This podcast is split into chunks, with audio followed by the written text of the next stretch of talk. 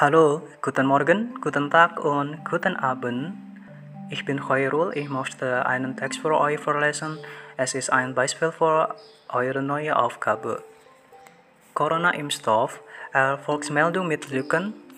Laut, in, laut einer ersten Zwischenprüfung ist der Corona-Impfstoff der Mainzer Firma BioNTech und des US-Unternehmens Pfizer deutlich wirksamer als erhofft. Doch wichtige Fragen bleiben offen.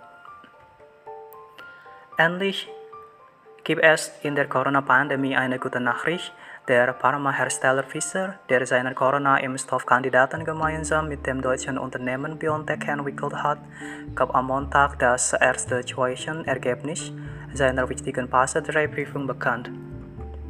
Demnach bietet der Impfschutz den ersten Auswertungen zufolge einen mehr als 90-prozentigen Schutz vor einer Covid-19-Erkrankung die unabhängige Expertengruppe, die die Studie überwache, das sogenannte Data Monitoring Komitee oder DMC habe keine ernsthaften Sicherheitsbedenken gemeldet.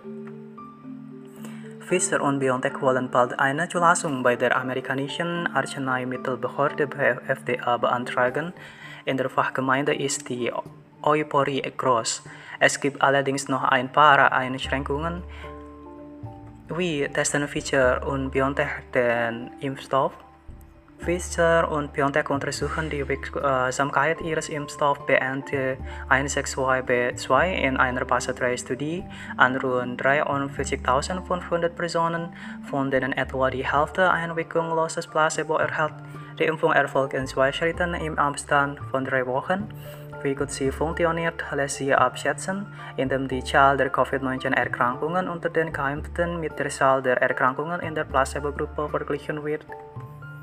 Bislang wurden in der Studie 94 Corona-Fälle bestätigt, was alle betroffen die Placebo-Gruppe, um auf eine geschätzte Wirksamkeit von mehr als 90% zu kommen, musste es analog zur Berechnung der Zwischenpunkte im Studienprotokoll, also dem Ablaufplan der Studie rechnerisch mindestens 86 Fälle gegeben haben, im Gegensatz zu höchsten 8 Fällen unter den geimpften.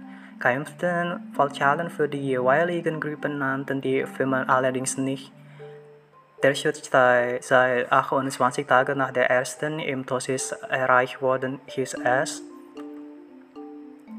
Im Wortlaut schreibt BioNTech die Verteilung der aufgetretenen Covid-19-Fälle zwischen Impfgruppe und Placebo-Gruppe wies sieben Tage nach der zweiten Dosis auf eine Impfstoffwirksamkeitsrate von über 90% hin.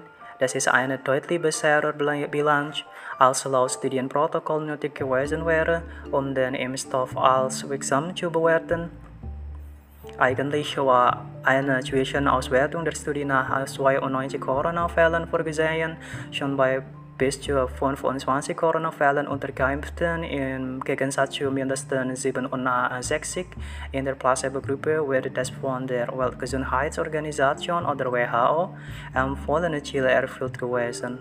Dieses sieht vor, dass die Impfung mindestens 50% der Menschen vor einer Erkrankung schützen sollte.